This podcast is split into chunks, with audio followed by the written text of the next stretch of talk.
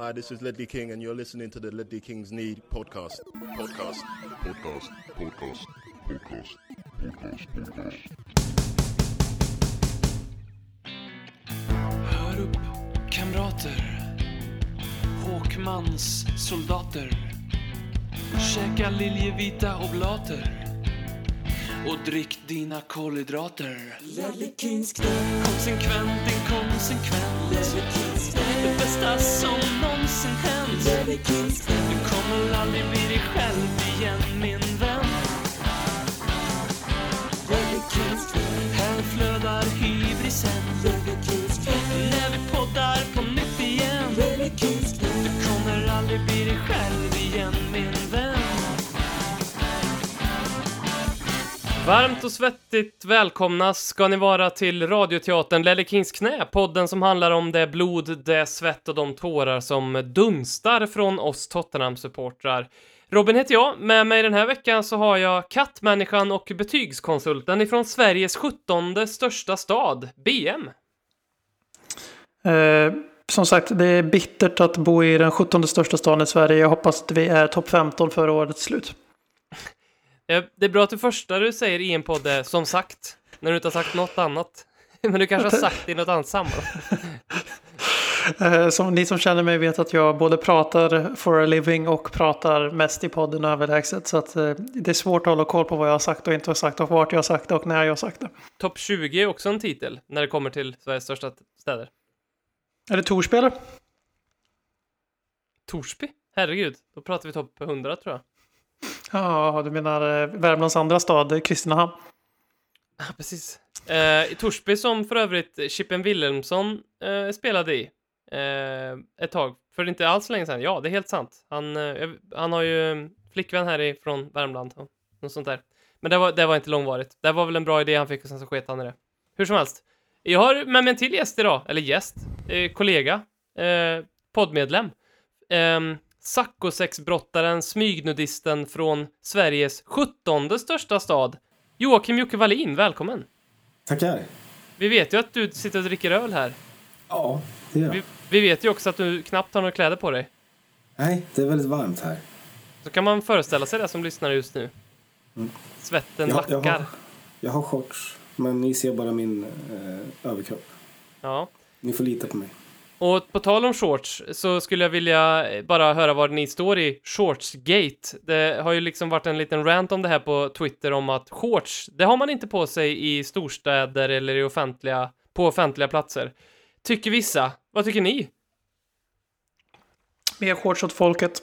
Eh, Sverige har ju vinter ungefär 10 månader om året.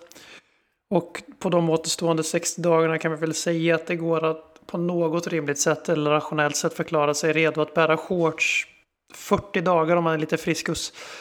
Eh, att man då inte ska få bära ett visst klädesplagg som är till för att svalka ens ben i värmen. Det är ju det är sadistiskt på gränsen för mig.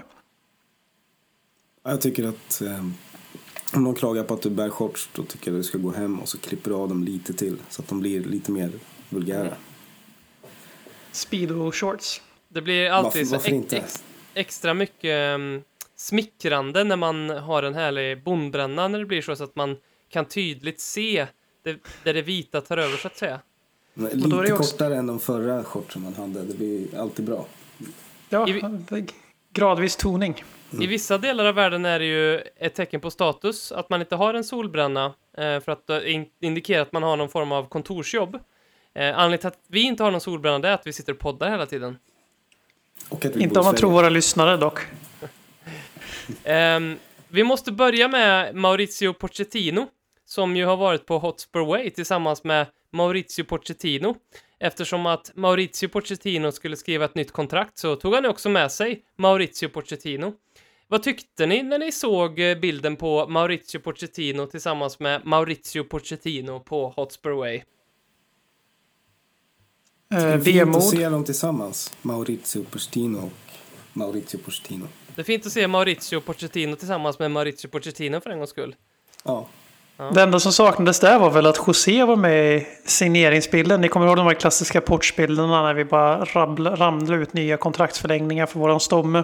Mm.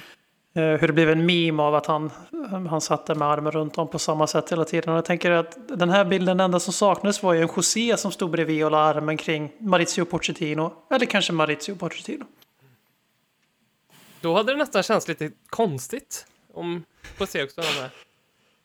Vad, vad, vad tror ni, vad, Jocke, alltså det här med att eh, ha i sin, inte i sin trupp givetvis, för José Mourinho är ju tränare för A-lagstruppen, men att ha en spelare i ungdomsleden i alla fall, eller klubben, som är son till den före detta tränaren. Är det försvårande för Mourinho? Eh, inte så länge han inte är tillräckligt bra för att slå sig in i A-truppen, tror jag. Vad händer den dagen han gör det då? Då kan det bli stelt. Kanske. Om man vill ta med pappa till träningen och titta. Är det då mm. Mauricio Pochettino, den äldre, kommer till träningarna och så rullar han med sig sin grill och så tänker han Here we go again. ja, kanske det. Grillar till grabbarna medan de tränar.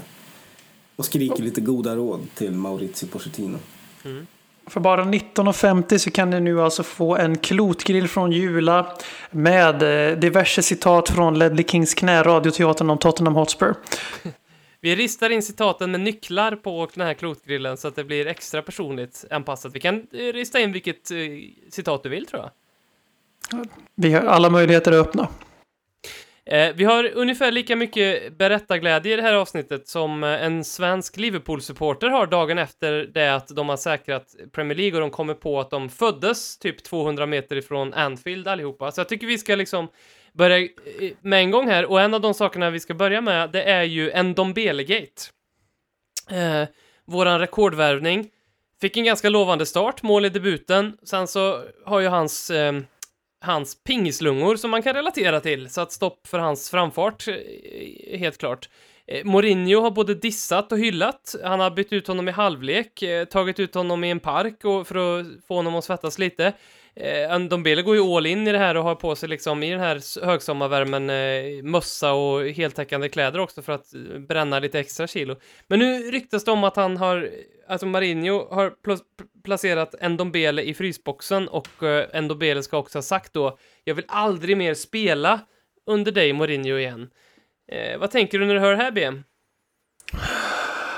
Ja, vad tänker jag? Att eh för det första får vi hoppas att det inte är sant. För det andra kan vi bara konstatera att det finns ju någon eller några personer i Tangos entourage som är läcker de här sakerna till franska medier varenda gång något dylikt händer. För det kommer ju ut, alltså vi, senast var det väl två minuter efter slutvisslan mot West Ham så kom det ut en jäkla massa rykten och sen har det spinns vidare sen dess. Eh, så att det är oroväckande oavsett hur man vrider och vänder på att det finns någon spelare som så fritt går till pressen och läcker sådana här grejer. Sen sanningshalt eller inte, det vet jag inte. Men... Eh, sen har vi steg två i det hela, att eh, José Mourinho har ju en ganska diger historik av att mobba ut enskilda spelare. Ganska ofta duktiga spelare som kanske inte tar jobbet. Några exempel som är helt okej okay Premier League-spelare är ju Kevin De Bruyne och Mohamed Salah. Eh, och ingen liknelse i övrigt här men det är ju, vi spelar alltså två matcher. Vi har inte spelat fotboll på tre månader. Vi får göra tio byten. Eh, Mourinho väljer inte att bara inte göra alla tio byten. Utan han väljer också att ge Taingay noll minuter.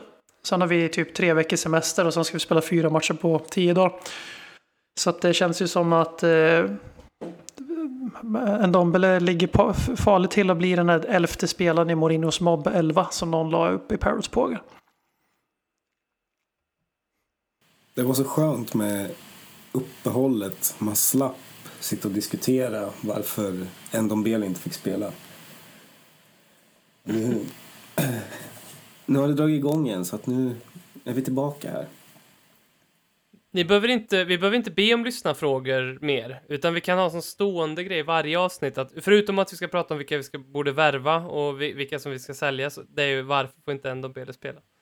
Men jag, jag var själv lite inne på att eh, om man ska dra någon form av parallell så bland det första som hände när Pochettino kom till Tottenham var ju att han eh, satte sig upp mot ett par eh, i, illbattingar i truppen. Etienne Capoe, Jonas Kabul, eh, Amanuel Adebayor som man ja, la i frysboxen. Och kanske kan det vara så här att eh, smärt, hur smärtsamt det än blir med en, en Dombele som, som vi kanske säljer till Barcelona och sen så blir han typ världens bästa fotbollsspelare och sånt där och så står vi där och tittar på från våran åttonde plats i Premier League och kvartsfinalsförlust mot Leicester i Carabao Cup och så tänker vi det där hade kunnat varit vi. Eh, men det kan också vara så att den här eh, konflikten med Ndombele och att han eh, ja, yxar honom här nu kan vara ett sätt att eh, sätta lite mer Mourinhos prägel på laget. Eh, för ibland funkar ju liksom psykologin lite så att om man statuerar ett exempel så, så får man det man vill av de andra som är kvar. Ja, det, det är en god poäng. Um, jag har egentligen bara ett problem med det och det är väl att jag ser eh, Ndombele som är liksom ett mer ett framtidsnamn än vad jag ser Mourinho som ett framtidsnamn. Men det, ja, nu har vi Mourinho som tränare så att det måste ju vara han som, som bestämmer. Liksom. Kan inte eh, underminera honom genom att stoppa honom från, från att yxa vissa spelare och sådär. Utan det är ju hans val, tyvärr. Och det är ju också lite det här med att eh, om man ska tänka om vi kollar på vad vi har för centrala mittfältare så är det ju Giovanni Lo Celso som verkar vara given etta. Uh, Harry Winks som många förutspådde och som till viss del har fått vatten på sin kvarn i omstarten och så vidare. Skulle få det kanske tufft i ett Mourinho för han tycker ju om att ha en väldigt tydlig sittare, alltså en, en städare, någon som är bollvinnande sopkvast. Eh, vi har ju inte den spelaren i truppen, framförallt inte när den personen har gjort sig om till mittback. Och då är ju den andra tesen är ju att han tycker att det går inte att spela Lucelso och Ndombele tillsammans på mittfältet för att det blir för defensivt och han föredrar Lucelso medan Winks blir någon så här joker som får spela då och då. Och sen så har vi den opetbara Moses Sissoko. Men eh, den, det liksom, ju mer jag pratar här desto mer blir jag bara övertygad om att det känns det fel att inte spela den nog enskilt mest talangfulla av de här fyra herrarna. Sen eh, Huruvida han har levt upp till det eller inte, det är ju en annan diskussion. Men eh, om jaga bort din rekordvärvning på det här sättet eh, inför en sommar där transfersummorna eventuellt kommer vara lägre. Eh, mm. Där det eventuellt kommer spenderas mindre. Det enda det gör är ju att måla in Livi i sitt hörn där Livi absolut inte kommer vilja sälja en Dombele för att han kommer göra en sån jävla förlustaffär. Och då sitter vi, har vi ett år till med den här soppan. Spe, alltså spela killen, ge honom en chans. Hylla honom inte till skyarna i pressen och sen köra någon jävla 12 års bullying med, eh, taktik. Och efter att du har hyllat honom till skyarna så får han inte spela en minut i de här två matcherna. Mm. Jag minns inte om Paul Pogba, när han och Mourinho hade sin eh, eh, eh, ja, vad ska man kalla det, när de var osams med varann, om han eh, petade honom helt eller om han bara satt på bänken. Kommer ni ihåg det? Och hur har det sett ut? Men Kevin De Bruyne var väl ganska, han blev väl helt petad liksom. Och sen utsänd på lån och sånt. Och, mm. ja. Men, men Pogba, ja. Eller, och, men fick Pogba fortsatt spela va? Eller jag kommer inte ihåg, men det var mycket rykten där om att han inte, de inte kom överens. Jag minns inte. Jag kommer bara ihåg att det var väldigt roligt när det skedde i en annan klubb.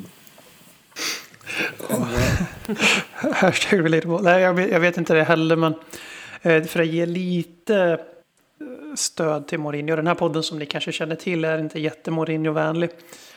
Eh, förutom Folin då eventuellt. Men annars så, så var, är det ju ändå så att Solskär har ju också spelat Pogba väldigt lite och han har tagit ganska konstiga beslut. Alltså Pogba, han har varit skadad mycket längre än vad man kanske behövt vara och snarare känns som man har gjort sig redo för en flytt den här sommaren då från början för att vara fit då. Men nu, nu har han ju fått spela sedan återstarten och det är ju han nästan enskilt som tar poängen mot oss i första matchen. Men jag tror inte att det var riktigt den här nivån på tokfrysningen. Men det tror jag enklast förklaras med att Pogba var så viktig för Uniteds träiga spel och att hans status är betydligt högre än vad en Dombeles är. Än så länge. Mm. Jag kan inte... Alltså, jag minns, jag brukar tänka på såna här grejer när de dyker upp. Um, ingen rök utan eld, så att jag tror nog att det ligger något i det här för att om vi tar en annan av den här säsongens stora följetonger ryktesmässigt så är det ju den som vi gärna vill påstå har skett på riktigt, men den eh, påstådda otrohetsaffären mellan Christian Eriksens fru och Jan Vertongen, som ju noll medier världen över hakade på. De hakade på på så vis att det här är ett rykte som sprids just nu, men det stämmer inte, men så kan det gå, vad tokigt det kan bli. Eh, men det var ju ingen eh, nyhetssajt någonstans som, som faktiskt skrev att så här är det. Men det är det ju i det här fallet, är det ju ett par nyhetssajter i alla fall som har plockat upp och det får ju mig att känna att ja, men då kanske det finns någon eh, substans i det här eh, ryktet ändå. Det känns ju, känns ju piss eh, faktiskt. Senast idag så var väl Trippier, han var ju med i en podcast då, som inte gjordes idag men som har blivit nedskriven till en artikel. Eh, Och han- uttalar sig ganska mycket om en Dombele. Han fick en fråga då vill jag påpeka. Eh, Folk läser alldeles för mycket in vad Kevin Trippier säger om sin tid i Fan, han Spurs. ska uttala sig hela tiden. Han har blivit någon form av liksom utrikeskorrespondent i Spanien och Tottenhams vägnar. Han blev ju frågad de här frågorna. Han tog inte upp det själv. Eh, Och han pratar ganska mycket om honom och Eh, vilken talang han har och hur fantastisk han är. Och då är det ju ganska tydligt att det är ju uppenbarligen någon i nuvarande trupp som pratar med Trippier om det här. Så det kan vi ju roa oss med att gissa vem tror ni är hans polare? Alltså vem är Golan av Spurs-truppen som berättar det här till en konkurrent? Eh, men även han kom ju in lite på det här. Ja, kanske inte applicerar sig så, kanske inte kämpar. Så det, det känns ju ganska tydligt att det, det finns ju en, någonting i både det här, den upp, alltså att en Dombele inte applicerar sig tillräckligt. Eh, de här ryktena om att, eller den här bilden av honom som väldigt lat eh, tidigare i karriären. Det är ju någonting som engelska medier gärna plockar upp för de är ju som blodhundar på sånt här och skapar oreda i vissa klubbar. Eh, Och eh, men det, som du är inne på, det är ingen rök utan eld. Så det finns nog lite José Bulling här. Det finns lite en Dombele applicerar sig inte. Och eh, det finns nog definitivt lite frost i deras relation. Men vi får ju snart se allt detta på Amazon Prime. Så Jag tror att det kanske kan vara en faktor att, eh, att Ndombele kanske kom hit eh, till stor del för att spela för Pochettino. Mm. Och eh, sen när Pochettino försvann så känner han att ja, han, han liksom går miste om det och får börja om på noll på något sätt. Eh, och liksom skapa ett nytt förtroende och ja, det kan ju helt enkelt vara så enkelt att han inte riktigt trivs lika bra med Mourinho som han gjorde med, med Pochettino och det påverkar hur han eh, beter sig på plan. Och då, och då Eh, känner helt jag sjukt. liksom... Ja. hur, vem, skulle kunna, vem skulle kunna känna Nej, så? Att man föredrar Pochettino över Mourinho?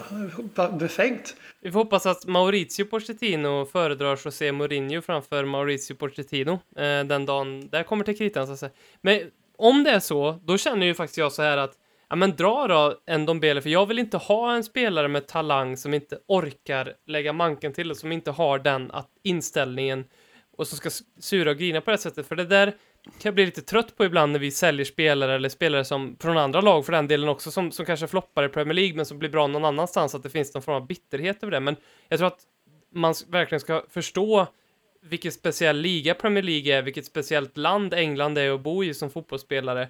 Eh, så att liksom, bara för att man lyckas i Spanien eller Tyskland eller Italien så betyder inte det att, ah, hade vi bara hållit kvar honom en säsong eller hade det varit rätt tränare eller rätt laguppställning här, då, då hade han blivit någonting i Premier League, utan det är ju, det är ju någonting mer liksom. Och Ndombeles lungor verkar ju inte tycka att det är jättetrevligt i, eh, utanför EUs gränser så att säga.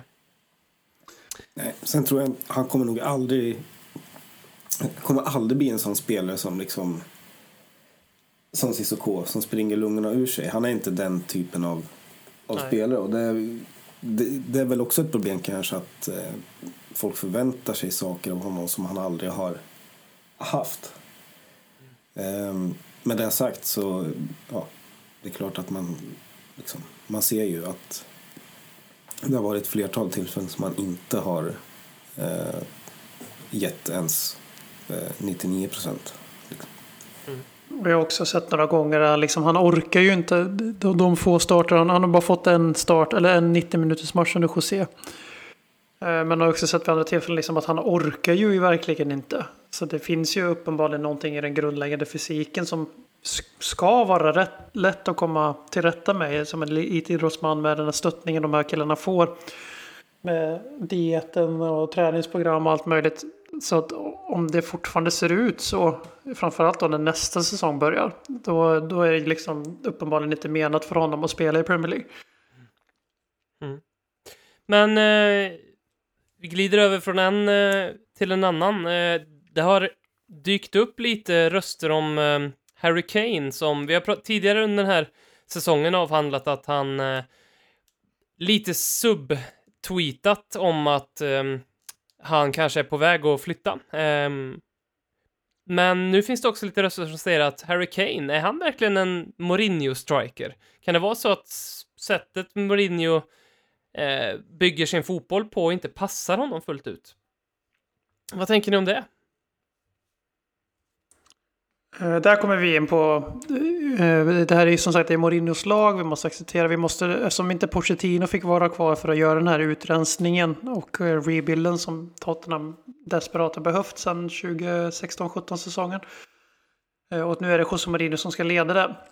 Och då kan man ju absolut så logiskt förklara att ja, om de här spelarna bedöms som att nej, men vi kan göra bättre här eller vi kan göra lika bra med en mycket billigare spelare kontra vad vi skulle få för att sälja Harry Kane.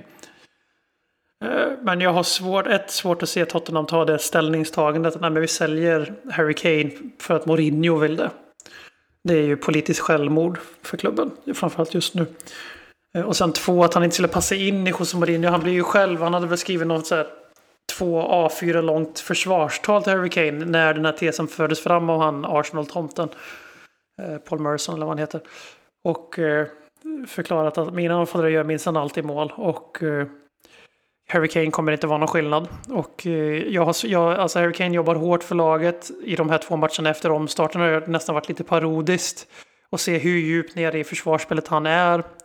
Och hur mycket han är på fel ställen och hämtar boll. Och det är ju förmodligen ett utfall av han, Harry Kanes frustration över att laget har blivit sämre de senaste säsongerna.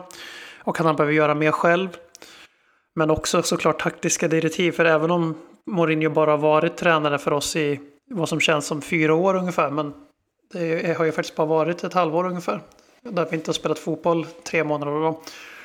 Så har vi ändå sett då en ganska tydlig ökning rent procentuellt vart Harry Kane befinner sig på planen under José kontra med Porch. Och det är längre ner i banan. Det här, är en på, det här är en förändring som hade påbörjats redan innan Pochettino fick gå.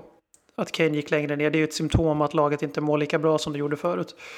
Men det har förstärkts under José. Så att jag tror att han är en ganska perfekt striker. Men om Harry vill fortsätta göra upp mot 30 mål per säsong då är det nog en annan klubbadress han ska leta sig efter. Alltså ligamål då. 30 mål sammanlagt tror jag han löser. Han, eh, jag tycker att han passar, borde passa väldigt bra i Mourinho på det sättet att eh, Mourinho tycker ju om kontringsspel och ganska rakt anfallsspel, det vill säga om, om vi tar Andreas Boas som hans första mål var ju så här vi ska hålla i bollen för då kan vi inte förlora. Eh, så är ju Mourinho mer vi ska inte låta dem göra mål och så ska vi kontra när vi får chansen och så ska det gå så fort som möjligt. Och där tycker jag att Harry Kane passar väldigt bra som en kontrings eh, forward. Ehm, med den med den, när han har lite tid på sig och kan driva bollen mot straffområdet snarare än när vi liksom för och står och ska liksom schackspela oss in i straffområdet. Jag tycker att sällan vi får utdelning från honom då. Så jag tänker ju också att han borde passa väldigt bra. Eh, och sen, han har ju arbetskapacitet och vilja som en häst. Det, det är ju bara att se på målet han gör mot, eh, mot West Ham, när, vad, vilken otrolig lättnad det är för honom Eh, att få göra mål. Och sen och, var, inte bara det, utan vad otroligt jävla sliten han är för att han har kämpat så mycket i, den- i den matchen. Ja, jag tror att, med risk för att jag överskattar Harry Kane, om man nu kan göra det. Jag tror, alltså, han är så pass komplett så att jag tror att det spelar egentligen ingen större roll vem han spelar under eller i vilket system. Eh, han kommer göra, liksom, han gör 20 mål ändå per säsong om han, han bara får spela. Sen är ju hans kollegor runt omkring viktiga för honom. Eh, och som du är inne på BM, att när inte har, spelet har funkat då tar ju han större ansvar och liksom för att själv få det att funka. Vilket gör att han kommer längre ner, men ja, jag, jag, jag läste inte in speciellt mycket av det, det där snacket förrän Mourinho höll sitt två minuters försvarstal. Då kände jag mer att det var mer ett tecken på att Mourinho var pressad än att Harry Kane var pressad tyckte jag. Absolut. En typisk sån här grej som han, ja, som han gör när han blir ifrågasatt. Sen är det ju också så här, man, just det här med Mourinho-grejen, alltså vart uppstår det här narrativet ifrån? Alltså inte så att det är Robin som landsätter det, utan att det kommer ju i media här. Vi hörde ju den här kära Holmgren säga sig sådär 45 gånger i matchen mot West Ham att Kane inte hade gjort mål sedan i december. Hur många gånger inte... sa han det egentligen? Typ åtta gånger? Det är jättemånga ja, det, gånger det. Det, alltså det är absurt med tanke på att han spelade en match efter december och han gjorde ju, om jag inte jag kan minnas fel nu, men jag har för mig att han har en kvittering inne som döms bort på offside. Michel Worm, har alltså, Michel Worm har alltså no inte släppt in ett enda mål i Premier League den här säsongen. Det är fantastiskt. Ja, ja men ungefär, ungefär den, den typen av statistik. Och, och eh, alltså Harry Kane, alltså det som har hänt här, jag vet inte hur mycket vi ska gå in på det. Det är en annan diskussion om huruvida han har gått ner sig lite eller inte med alla skador. Eh, men det som har hänt för honom är att Christian Eriksen eh, Erik Lamela och Dele Alli av olika skäl, alltså de tre som var oftast bakom honom när vi flög som högst. Har ju, vi har ju Lamela som har gått ner sig på grund av skador. Eh, ni känner igen berättelsen. Han gör, han gör fortfarande mycket poäng men han spelar ju sällan i det ordinarie laget. Eh, Dele Alli har ju egentligen inte gått ner sig så mycket spelmässigt. Utan han har, om man kollar på hans så kallade underläggande siffror så är han precis lika bra på fotboll som han alltid varit. Det är att han hade mer utdelning för att han fick lite fler bonusassist för att vi var ett bättre lag, gjorde fler mål. Han gjorde fler mål själv för att han fick bättre målchanser, hade en hypereffektivitet som inte är hållbar. Om inte man är Cristiano Ronaldo och Lionel Messi på den platån, och det är ju inte det Alli. Och Harry Kane är ju en produkt av de här. Och sen såklart, han är anfallaren, han ska avsluta det de andra bygger upp.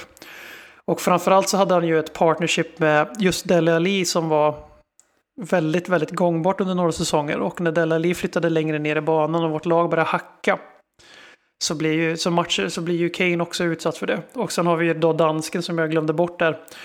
Han gick ju från att skapa saker helt själv och vara vårt lags hjärta till att knappt spela fotboll för oss från januari 2019 tills dess att han lämnade i januari 2020.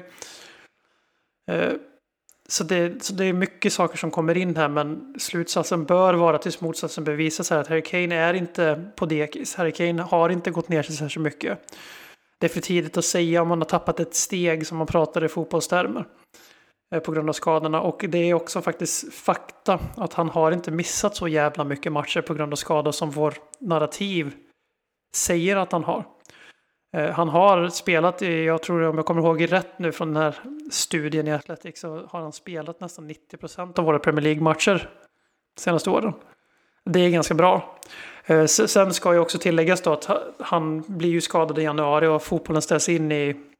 Men han hade, han hade ju missat, han hade uppenbarligen missat hela säsongen om corona inte hade kommit. Från första januari då, eftersom han inte, uppenbarligen inte är 100% nu. I slutet av juni när vi spelar fotboll igen. Så då hade ju statistiken drabbats negativt av det såklart. Men jag, jag, är inte, jag är inte riktigt redo att leta hål i Harry Kane förrän vi får se en hel säsong med honom under Mourinho. Och om vi ser den här lite blekare versionen av honom som vi kanske har sett lite oftare på senare tid, om det fortfarande är så, då kan vi ju hamna i en diskussion slutligen där det kanske handlar om att är det nu eller aldrig vi ska casha in på Harry Kane? För vi, bör, vi ser att han är inte världsklass längre. Hans rykte är fortfarande världsklass. Kan vi lura på Manchester United honom för en summa som är, som är orealistisk? Sen sentimentalt och fan mig moraliskt så ska man ju inte ens tänka i de banorna utan han ska få spela hos oss tills hans knä försvinner som Ledley. Om han vill. Men eh, ur ett pragmatiskt perspektiv så kanske det är en diskussion vi kan ha juni 2021, inte nu. Mm. Det var en eh, bra utläggning BM. Jag tror får... bara- ett tillägg någonting eh, Joakim. Jag tänkte bara på när du pratade om den här trion som man har spelat mycket med tidigare. Att till den så har ju eh, adderats, eh, Son har ju blivit ordinarie i högre grad och Lukas också kom in och det är två spelare som kanske i mindre grad än de andra tre du pratade om eh, släpper bollen utan de går ju på avslut själva också när de Mm. spelar. De är ju ju- ytterforwards, ja. inte playmakers. Precis. Tidigare var ju Harry avslutaren liksom. Det var han som fick bollen och tog avslut. Nu är det flera som, som skjuter. Ehm, jag vet inte, jag, jag kan inte luta mig mot statistik när det gäller eh, spelminuter och antal skott och sådär. Men det är känslan jag har att det kan eh, spela in. Vad har du för känsla kring eh, Eric Dyer och Davinson Sanchez som vårt nya mittbackspar då? Ehm, jag, jag kanske ska lägga in den här brasklappen här. Det borde jag ha sagt innan vi, eller när vi startade. Jag har ju inte sett någon match sen, sen ligan drog igång igen. Jag tyckte det var så skönt med uppehåll så att jag bara... Du fortsätter? Fortsatt. Ja. Ja. Så att eh, i teorin, eh, där jag lever, där tycker jag om det. Ehm, jag tycker att det är en naturlig liksom, eh, föryngring av backlinjen. För Fertongen är snart borta. Alderweireld tyckte jag ärligt talat att det var lite konstigt att vi förlängde med. Ehm, med tanke på hans ålder. Så att, eh, ja, jag har, eh, jag har inga problem med, med det. Sen behövs det ju någon, eh, en backup. Och Det kanske är så att eh, Toby behöver det. spela in sig. Det kanske är så att Toby blir backupen för att Vertongen tror jag vi får eh, förlika oss med att han försvinner nu. Han var ju inte med på den här retain-listan som det heter som Tottenham släppte med spelare man har eh, kontrakt med över eh, första juli. Men så kan det ju fortfarande vara så att Vertongen löser ett kontrakt innan, innan dess då, men eh, och sen så tycker jag Sanchez tror jag jättemycket på, det har jag alltid gjort. Och eh, med Eric Dyer bredvid sig, det är väldigt lätt att döma Eric Dyer utifrån det senaste typ året han har haft, som har varit ett jätteknepigt år för Eric Dyer. Det, delvis att han har ehm, spelat på en rad olika positioner. Ehm, Tottenham har i sig inte funkat bra och sen så har han också åkt, och fått den här blindtarmsinflammationen och någon annan jävla knepig skada slash magproblem ehm, som, har håll, som har försvagat honom helt enkelt. Så att eh, titta på vad otroligt mycket rutin han har vid så pass eh, ja, men, ung ålder och erfarenhet eh, och har spelat Champions League och eh, EM för England och så tror jag att det är en jäkligt klok mittback att ha bredvid Davinson Sanchez. Dessutom är ju Dyer som, ja, så Dyer är lite mer teknisk än Sanchez. Det, Sanchez tycker jag får lite för mycket skit ibland för att han har en otroligt dålig eh, beslutsförmåga när han väl får, han slår ju bort mycket bollar Sanchez, så han vet ju typ inte vad han ska göra, men däremot har han ganska härlig teknik. Det har ju Dyer å andra sidan en ganska fin fot, en ganska bra eh, liksom passningsfot. Så jag tycker om det mittbacksparet också, och då att ha Toby som backup och sen en Tanganga som kommer eh, och eventuellt någon ny på, på som någon ny värvning, free transfer som vi får skrapa ihop från något Kelloggs paket någonstans eller jag vet inte. Men eh, så kan det ju vara ganska bra. Jag vet inte. Jag gillar också det. Vad tycker du BM? Alltså det, med Eric Dyer går väl att få, det, blir- det blir många som vi drar, jag drar det här kortet för. då, Men vi känner det här med själv inkluderat i högsta grad. Vi, det, vi är väldigt många Tottenham-supportrar som bedömer Tottenham 2020 som om det fortfarande vore 2017. Alltså när Liverpool tog våran plats och gick om oss och lämnade oss döda 40 poäng bakom dem. Eh, Eric Dyer är ett stort offer för den problematiken att han, vi förväntar oss att han ska vara lika bra som han var 2017. Fast ingen i Tottenham är lika bra som vi var 2017. Det är väl Son som har blivit bättre. Och är det någon annan som har tagit kliv framåt sen säsongen 16-17? Jag kommer inte på riktigt inte på någon på rak arm. Kanske Wings då, eller något sånt där som knappt var etablerat. Eh, och ja, Hugo kanske. Och eh, då är det så här liksom att vi, vi förväntar oss att vi är det här titelutmanade laget som borde blivit det Liverpool istället blev. när verkligheten har sagt åt oss i ganska lång tid att vi är inte där längre. Spelarna har blivit lite sämre. Det betyder inte att alla spelare har gått ner sig. Det betyder att kollektivet har gått ner sig. Eh, och att vi behövde värva tidigare än vi gjorde. Men eh, och Erik Dyer är ett tydligt offer på den här problematiken. Att vi har en väldigt hög måttstock på honom. Du rabblar upp en jäkla massa förmildrande omständigheter i hans fall. Positionsbyten. Knepiga frånvaro från planen som inte liksom bara säga Men träna bort det för fan som i en Dombeles fall typ. Och sen det jag kommer in på är att han, hans styrkor som mittback är ju en mittfältare. Alltså han har en bra passningsfot, han har en bra blick för spelet. Han är, duell, han är duktig i duellerna. Han har ju inte street smarten eh, som mittback än. Det märktes ju mot Manchester United där han drar på sig två straffar. Även om en av dem korrekt friades i var. Eh, och det enda problemet jag ser med Dyer Sanchez just nu är att vi har en tänkande mittback som behöver spela in sig i positionen. Och det är jättebra att vi använder den här superspännande säsongsupptakten till det. För den här säsongen är ju slut för oss. Och sen har vi Davis som är en atletisk mittback bredvid som ska liksom täcka upp där Dyer inte hänger med riktigt. Vilket är när båda två tänker fel så kan han kompensera med sin speed. Så jag gillar det på papper. Eh, det jag inte riktigt gillar med det är att jämföra det här mittbacksparet med Maguire, Nilsson Lindelöf, eh, Gomes, Van Dijk. Eh, Chelsea, vilka fan har spelat Chelsea med? Jag kommer inte ens ihåg. Och sen sitter nu då som verkar plocka in eh, Koulibaly och spela honom i mittback så, så ligger vi rätt långt efter där. Och Tobbe Alderweireld som en trea. För det första är det ju svårt att se med tanke på hur vi investerade kraftigt i honom för bara några månader sedan. Och för det andra då så är han är ju fortfarande utan tvekan vår mest tänkande mittback. Alltså den som faktiskt läser spelet och inte reagerar på spelet. Så att jag vet inte, jag tycker vi, vi är porösa. Det jag ser farhågor men vi har släppt in ett mål och det var på en straff. Det eh, finns ingen anledning att inte låta dem få säsongen ut. Om inte, om inte Toby kommer in någon match då för rotationsskull. Vi, det är lika bra att se vad vi har på alla positioner vi är osäkra för vi har fan ingenting att spela för den här säsongen i alla fall. Mm. Jag tycker jag vill flika in en eh, lyssnarfråga här från eh, Simon Finne. Um, tung är den. Eh, jag känner att jag liksom åker ner i stolen här när jag kommer eh, ta de här orden i munnen. Eh, vad tror ni att vår målsättning är? Eh, både på kort och lång sikt. Personligen, enligt Simon Finner här nu då, så har jag svårt att gå igång på dagens Spurs, för det känns som att vi flyter runt i ingenmansland utan någon plan.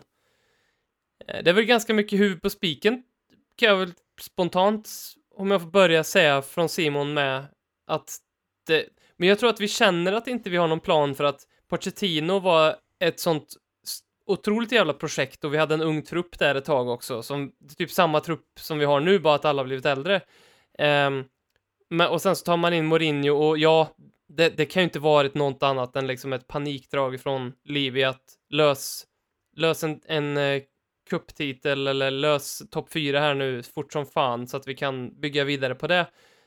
Det tror jag nog nästan. Det känns som att Liv inte, inte kanske ser Mourinho lika långsiktigt som, eh, som um, han gjorde med Pochettino. Um, och sen så fick vi ju, som vi alltid får, uh, lite diskussion kring det här om ja men Tottenham bryr sig inte om sportslig framgång Tottenham bryr sig bara om ekonomisk framgång. Um, och det är sant. Eh, det stämmer också för de andra 19 lagen i Premier League att visst, vi bryr oss om sportslig framgång, men det absolut viktigaste för alla ägare till, jag, jag tror i alla fall, jag kan säga så om alla Premier League-klubbar, eller i alla fall, garanterat kan jag säga så om topp 6, det är ju att de bryr sig bara om pengar. Um, ett, och sen sportslig framgång två. Kanske skillnaden i vårt fall då är att eh, vi inte ser titlar som ett medel för ekonomisk framgång, utan snarare ekonomisk framgång under lång, sikt under lång tid ska sen generera sportslig framgång. Medan det Liverpool och City och United satsar på att liksom, okej, okay, men vi ska vinna riktigt jävla mycket här nu så att vi, vi kan bygga en ekonomi utifrån det då. Och det är därför inte vi är med i det racet, för förutsättningar rent ekonomiskt, det har vi ju, det vet vi ju alla så. Vad, jo, eh, Jocke, eh, du känns eh, jävligt motiverad för Tottenham 2020. Vad, kan, vad tror du att Tottenhams målsättningar är? Um, Jag, jag tror att eh, klubbens målsättning, eller vad ska jag säga, det är väl Livis målsättning är att eh, klubben ska spela Champions League och eh, tror att det ingår i... Existera. Ja, precis.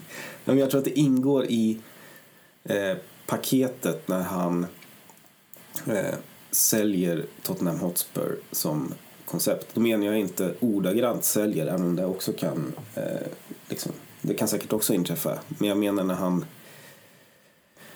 när han ska dra in pengar i klubben så då ska vi vara en, en stor klubb med en stor ny fin arena. Vi ska spela i Champions League och utmana om titeln. Liksom. Vi ska vara ett topplag.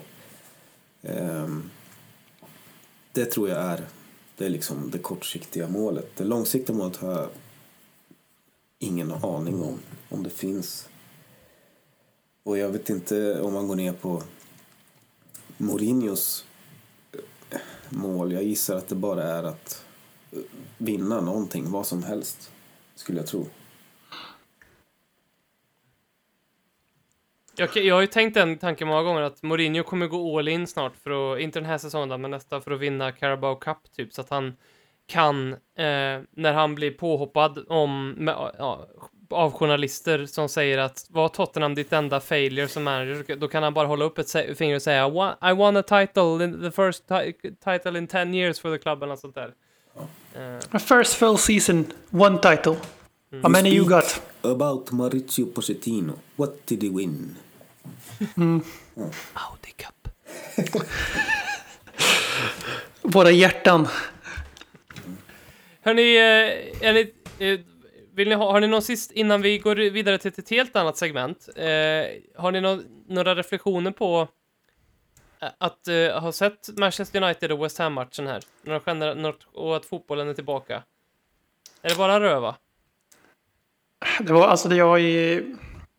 Jag gick ju all in på Bundesliga när den kom, som den hycklare jag Jag var egentligen tyckte jag... Null and void var ju mest en kul grej för att driva Liverpool-supporterna till vansinne. Uh, men det kändes ganska moraliskt fel att spela fotboll när coronan var som det var. Sen hela världen ställde ju om till att inte bry sig om corona längre. Trots att den fortfarande rasar och inte alls under kontroll någonstans förutom på Nya Zeeland i stort sett. Eh, men det var mer puls i första 45 minuterna med Spurs än vad det var i allting jag försökte liksom tvinga fram i Bundesliga. Eh, och sen ska jag vara helt ärlig också, engelska ligan är ju det, kanske den toppliga som är minst beroende av sina supportrar för att man ska känna ett wow kring matcherna. Uh, you never walk alone, be damned. Och uh, det var kul att se fotboll igen. Uh, försäsongsfotboll i all ära. Uh, ganska snabbt började man sätta sig och räkna ut på fan om, det, om vi bara hade vunnit mot United och då jävlar hade vi haft häng på bla bla bla. bla. Men nu väljer jag att se det som att det här kan vara sista dansen med ganska många i det här laget. Jag hoppas att det är det för vissa. Eh, andra inte så mycket. Och jag gillar också att José Mourinho, för att koppla tillbaka till frågan du hade förut här, att han faktiskt sa ganska så rakt ut som en Tottenham-tränare har sagt. För om det är någonting vi inte kan beskylla Pochettino för så är det väl att han kanske inte alltid ställer så höga krav på klubben offentligt. För att han var ganska lojal mot sin ledning. Medan Mourinho tog tillfället i akt och sa att Tottenham ska spela i Europa. Och jag vill slå ett slag för det, för det är en ganska varm diskussion både i Parents Pågar och på Twitter här om att vi är för fina för, för Uefa-cupen. Eller som du precis liksom gjorde narr av Carabao Cup, som jag också står bakom lite 100% fram till semifinalen. Det är en låtsasturnering som man inte ska lägga krut på om man inte råkar halka in i en semifinal. Men vi är ju faktiskt en klubb som de senaste fem åren har haft en kostym av, vi snackar topp 10 i Europa ekonomiskt. Och även utanför plan. Vi är en av de mest säljande tröjorna i Sverige. Vi har slagit oss in bland United, Arsenal, de här 90-talslagen och de gigantiska Real Madrid och Barcelona. Vi är där nu liksom. Vi är en av världens största klubbar. Vi blev det genom att ha sportslig framgång till den nivån så att det kändes legitimt att Tottenham är ett topplag. Och det är en jävligt obekväm kostym att vara i som Tottenham-supporter. Och vi har en förlorarmentalitet djupt, om man nu vill välja att se det så, man kan också se det romantiskt, djupt inserat i våra hjärnor i stort sett. Men anställningen av José Mourinho visar mig utan rimlighet och tvivel att vi ska tillbaka till Champions League. Vi ska vinna någonting. Och min poäng här är att vi är inte för fina för att vinna Carabao Cup. Vi är inte för fina att vinna Uefa-cupen nästa år. Vi har inte vunnit någonting på tio år förutom Audi Cup. Eh, och om vi ska ha någon form av legitimitet och bli ett storlag över sikt, ett Liverpool som kan komma bakom oss i ligan sju av åtta säsonger på 2010-talet, eller sju av nio eller vad fan det blir. Och ändå ses som en större klubb så självklart av varenda medie, medelintresserade Janne och Josefin i Sverige och världen. Då måste vi börja vinna saker för annars kommer det bli så här så fort vi misslyckas sportligt. Det här är första gången på sex säsonger som vi misslyckas sportligt. Direkt så börjar det liksom, nu ska vi riva ner korthuset Tottenham. Och om vi inte vill vara det korthuset som blåser omkull varje gång vi inte når våra mål.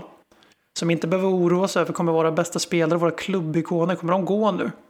Då måste vi börja vinna någonting och det finns väl ingenting som är lättare att börja med än Carabao och sen kanske Uefa-cupen.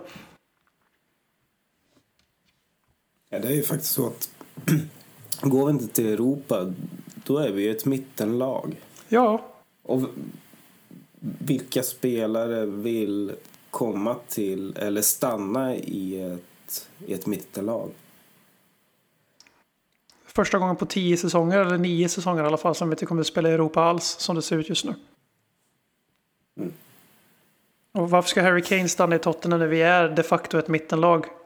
När Real Madrid är lite sugna, när Manchester United som säkert ska få någon jävla Champions League-plats i Kellogg's-paketet till slut. Varför ska han stanna då? Jag tror det är många som tänker, vilket är ett feltänk tyvärr, men att ja, men okej, okay, men vi tar väl ett mellanår då och bygger upp truppen igen. Men det är just det här man inte ser då. Man tänker att det blir mindre matcher och det blir mindre resande och det ska slita mindre, men, men då att bygga om en trupp på det sättet, det, det är alldeles för omständigt och smärtsamt i modern fotboll. Ja, och då eh. måste man vara där redan. Då måste man vara Liverpool. Då måste man vara alltså, klubbar som kan säga nej, vi tänker inte sälja Pogba trots att vi slutar sexa mm. för andra året i rad. Mm. Vi är inte där än. Mm. Nej.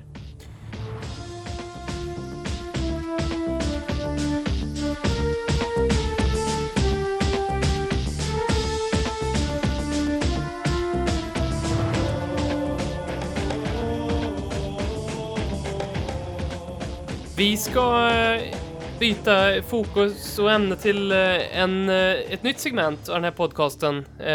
Vi gillar ju det här med segment, så att vi har då mm, med start idag ett nytt segment som heter Expedition Robinson. Och för er som var med på den gamla goda tiden, som såg Expedition Robinson så som det ska vara på SVT, när det var unikt, ett fint, en fin familjetradition mm att mhm. längta hela veckan, sätta sig i soffan på lördag kväll och se Harald Treutiger och senare också kanske Anders Lundin eh, stå där i en sån här typ lite halvt Ace Ventura-aktig djungel-outfit och kaki. tampas med kake, ja. Mycket fin kake. Eh, Trekvartskake med massa svenskar som, som var totalt liksom inte värpta i någon form av influencervärld eller någonting, utan helt vanliga liksom la lagerarbetare och posten, postenmedarbetare och kökschefer och allt, gud vet annat, som, som, som bara tänkte jag ska göra något riktigt crazy, jag ska åka till en öde ö och se hur länge jag kan överleva. Den Expedition Robinson, när man då i, i, i varje avsnitt var det en, en jävel som rök. Eh, och, och, och det ska vi göra nu eh, som en ny serie i den här podcasten. Vi tänker oss att hela våran trupp eh, är på en öde ö. Eh, och vi får i varje avsnitt rösta ut eh, en spelare var. Eh, och så får vi se helt enkelt vem som är kvar. Ehm, och det finns liksom ingen, det här handlar inte om vilken är den bästa spelaren i truppen. Utan det handlar bara om den jätteenkla frågan. Vem vill du kasta ut i havet till hajarna?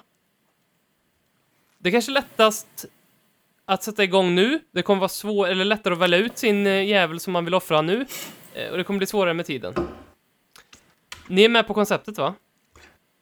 Mm. Blir det lite spännande för då ska vi ha det här örådet och jag vill ha en motivering också BM till vem du kastar åt hajarna. Före vi börjar här bara, de, de här fyra spelarna som befinner sig ute på lån, är de med i tävlingen De är också med. De är också med i tävlingen. Och det här som är lite, lite modernt i det här att det är ju den här skådlisten på tottenhamhotspur.com som vi går ut efter. Så tottenhamhotspur.com First Team Players. De här spelarna kommer också försvinna från den sidan när vi har röstat ut dem. Eh, eller jag håller på att jobba på det, jag har skickat ett mail idag om det. Eh, we have a little thing here with the... Nej, men... Eh, eh, det är de vi går... Så det, kan, det finns ju den här andra eh, chansen-momentet, att det kanske är någon spelare vi köper in som försvinner och sen så kanske de försvinner av olika orsaker. Så var det ju då också liksom, vad fan, nej, men jag har ätit en dålig eh, varan här nu, jag måste, eh, eh, jag måste sticka, eller jag saknar min fru jättemycket, jag måste dra. Ja, men så, så blev det ju Expedition Robinson liksom. Eh, Och så kan det bli här också, om någon spelare säljs och försvinner från truppen. Finns det någon, eh, typ en till hemlig ö som de utrustade får bo på? Och så kommer de tillbaka? Chelsea har ju provat det. Eh, Vitesse he- heter ju den ön. Eh, men vi har ingen sån ö riktigt än. Vi, men vi får se. Det finns ju comebackfall. Jörgen Klinsmann, Jermaine Defoe, Robbie Keane. Så att jag menar, comebackchansen kan ju finnas. Ja. VM. Eh, det finns ju några spår man kan ta här. Eh, och bara, vi ska alltså välja ut varsin person, så tre stycken ryker redan idag. Tre ryker redan idag. Så att det är ju det som är så jävla dramatiskt med den här Robinson. Det är att det är så många som ryker. Ja, annars hade vi fått spela in poddar in i september när nästa säsong hade börjat. Ja. Eh, Men eh, det finns ju några spår att gå här. Man kan ju antingen välja den som man tycker mest illa om och det är ju nummer 24. Mm. Eh, Serge Arier för de som inte visste det. Så eller så kan man gå efter något så här fegt, lite tråkigt, att man tar typ Janne för att han ska ju ändå försvinna. Så var ska han vinna Leddy Kings knäexpedition Robinson för? Men jag går en annan väg här och jag är så här att jag vill ju egentligen skicka hem José Mourinho. Men det fick vi inte för det sa du att vi inte fick. Så att eh, han är programledare, det är han som är Treutiger här liksom. Mm. Tänker. José Mourinho i detta nu stå där och titta på de här eh, i kaki, trekvarts kaki, José Mourinho. Skulle vara mer, han skulle vara mer sympatisk då. Ja. Ja, han klär i kake. Så att det jag gör då är så att liksom det finns ju så här, du vet när någon har ett missbruk och framförallt lite mer oskyldigt missbruk i kanske lägre ålder, spelmissbruk när man är liten kanske. Och då menar jag kanske inte betting. Det är att man måste hjälpa de personerna till, frisk, till, till att bli friska genom att ta ifrån dem den här saken som är skadlig för dem. Och därför så väljer BM att skicka hem Lucas Mora med ögonen böj. Så att José Mourinho slutar att se honom som en tokgiven A-lagsspelare som har fått 28 starter i Premier League, eller vad fan det är den här säsongen. Så att han slutar vara ett av de första namnen på team sheet för sina tre Premier League-mål. Hej då Lukas. Tack för Amsterdam. Då kan han åka tillbaka till Brasilien och krama Jair Bolsonaro, för nu är han ute ur Expedition Robinson. Då frågar jag dig, eh, Joakim Wallin. Det Vem... blir ett eh, fint eh, montage när Lukas går ut. Det har hänt något med min mimik. Jag låter full. Eller?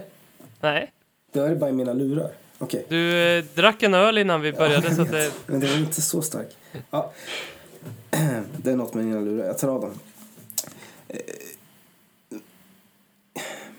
Jag var också inne på det här som du sa, BM, att nummer 24 hänger ju riktigt löst.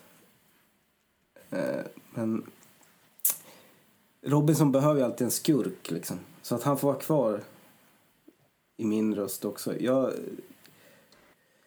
jag lägger den eh, på en sån där människa som har varit med i flera säsonger men så har man inte riktigt sett den överhuvudtaget. Så att eh, bara stått i bakgrunden och varken gjort till eller från. Så hej då Carter Wickers.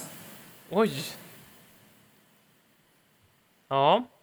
Men det är ju så att det finns ju en plats till på den här båten och Lucas Mora sitter där och kramar sin eh, stora nallebjörn som han hade med som personlig sak och Carter Vickers sitter och ehm, kramar Tryck- sin make, Trycker proteinshake. Precis. Eh, med proteinshaken har ett Make America Great Again eh, också. Eh, och då ser de att det prasslar i skogen. Det är ju någon som är på väg och då tänker de ju båda såklart att nej, det måste vara Serge Aurier som, som kommer nu. Hans tid är räknad. Men det är inte Ser- Serge Aurier. Det är någon annan som uppenbarar sig. Och det är en liten skräll. För det är ju faktiskt kaptenen Hugo Lloris som får lämna Expedition Robinson tillsammans med Lucas Mora och Cameron Carter Vickers. Det är kupp. Han har... Han har... Han, han såg lovande ut först i beskrivningen, men när han kom till ön så visade det sig att han tappade alla kokosnötter så att de, saften rann ut. Och, dessu- och dessutom när han skulle hänga upp kläder så gjorde han det ovanför elden så att de brann upp. Hugo Lloris är borta från Expedition Robinson. Jag tycker bara, freestyle, jag tycker att lyssnarna eh, ska varje vecka få, få, förutom när vi bara tar bort en person, så ska lyssnarna få nominera en person som får åka till våran Vitesseö, som vi ska namnge vid något Ja, tillfälle. just det. Men alltså andra chansen. Ja, andra eh, chansen, Vem ja. de vill skicka till andra chansen. Mm. Eh, och sen, ja, det gör vi. Det är bra. Vi, vi, vi utvecklar konceptet lite on the go. Eh, men det var en bra addering tycker jag. Eh, Vilka Eh. tror du, bara för att du, för du hade ju en tanke här. Eh, Vilka tror vi gick konspirerade på ön här? Vilka i truppen konspirerade för att rösta bort lagkaptenen Hugo? Han lär ändå ha ett par lojala undersåtar i omklädningsrummet. Det kanske finns någon annan som vill aspirera på kaptenstiteln. Du vet vem? Erik Lamela? Skurken. Ja, Serge. Det är klart det är Serge som knivhög honom än, ännu en gång. Ja. Hörni, jag vill bara avsluta med ett par eh, tweets. Eh, vi bad eh, våra följare på Twitter att eh, skriva Troy Parrott och sen eh, eh, fullfölja meningen utifrån de förslag på ord som kom upp från deras egna tangentbord på telefonen. Förstår ni vad jag menar då? Yes. Man, man skriver på iPhone, det är säkert så på för er som har såna här Androider också, men då får man ju ett förslag på nästa ord man kan skriva. Och det säger ju en hel del om vem man är, de där orden som dyker upp, för att det är ju inte bara så att det är liksom random ord, utan det är ju så ord som passar bra och som kanske ord och saker som man har skrivit mycket eh, tidigare. Jag ska testa live här medan du läser upp den. Då. Eh, Robin Bylund, eh, LFC-podden, hans eh, tweet blev så här. Troy Parrott och jag har inte fått in några pengar på mitt konto i Swedbank, så det är det enda som är säkert. Det tycker jag passar väldigt bra från den här 1950-kronors-podden eh, som älskar att ta betalt av sina lyssnare. Det finns ingenting så de älskar mer på denna jord än att ta betalt av sina lyssnare. Eh, Pontus Weinemo, eh, en, en, en fin vän till den här podcasten. Han skriver så här. Troy Parrott och jag jobbar på Expressen. Mm. Mm, det, känns, ju- det hade varit lite kontroversiellt om det var Aftonbladet. Då hade han kanske, kanske han var i, på läge att byta arbetsgivare. Eh, Johan Nygren. Troy Parrott. Det här receptet blir de stora möjligheter att kunna utveckla vår verksamhet och ekonomi i år och dagar, men det är ju inte så bra att ha. Det känns som att Johan kanske eventuellt håller på att starta en firma, eventuellt ska liksom baka något. Eh, Det känns som inte. Johan ringade in Troy Parrott ganska bra. Sen så har vi en otäck och det är ju våran eh, goda vän Nestor, eller farbror M, som också basar över vår fantasy Premier League-liga. Eh, och jag vet inte om man ska se den här som morbid eller, men Troy Parrott, killen för dig om du behöver ett kliniskt avslut av ett liv. och det sjuka, det passar ju väldigt bra med tanke på Troy Parrotts eh, kopplingar till irländsk maffia. Ehm, sist men inte minst, en av mina personliga favoriter, Pontus Wiklund. Eh, Troy Parrott och jag har en ungdomsverksamhet som är så mycket i mitt liv. Vad fick du BM när du gjorde detta? Eh, Troy Parrott och jag har inte hört något om att jag ska söka hjälp för att jag inte ska vara med på digitala medier. Men jag tycker det, det, du är ju lite privat på social media. Eh, så det, det, det kan ju vara, det kan ju vara något där, jag tycker det. Ja, absolut. Men det är svårt, alltså jag måste bara säga, det är svårt att slå fantasy-gubbens. Alltså det, alltså det, Killen för dig om du behöver ett kliniskt avslut av ett liv. det liksom, ända fram till kliniskt avslut tänker man wow, det är någon som verkligen snackar upp Troy Parrott i chattkonversationer med, med alla. Han är verkligen en av Parrotts pågar och sen så bara nej, det handlar om att avsluta någons liv på ett kliniskt sätt. Så det, det, det höjer honom till skyarna. Han kanske är med i den här irländska maffian. Ja, det hoppas jag. Tack så jättemycket BM och eh, Jocke från eh, Sveriges 17 största stad. Jag kollar precis här innan jag sa det så att inte Eskilstuna har växt under tiden vi har spelat in det här avsnittet och i så fall kanske skulle eh, vara på högre plats. Men nej, så är det inte 17 största fortfarande så gäller för Eskilstuna. Eh, om eh, du vill eh, göra som BM, du sitter ju i en Lelle Kings knä-t-shirt här. Eh, en sån kan man ju handla på våran shop om man inte vet vad man ska ha på sig i sommar. Eh, och om man vill ha lite sällskap i Tottenham eh, djungeln och Tottenham-Sverige så kan man ju gå med i Parrots Pågar som är en WhatsApp-grupp. Vi tar ju för fan inte betalt av det här ifall det är någon som tror det, utan det är bara att skicka ett direktmeddelande eh, så är man med där.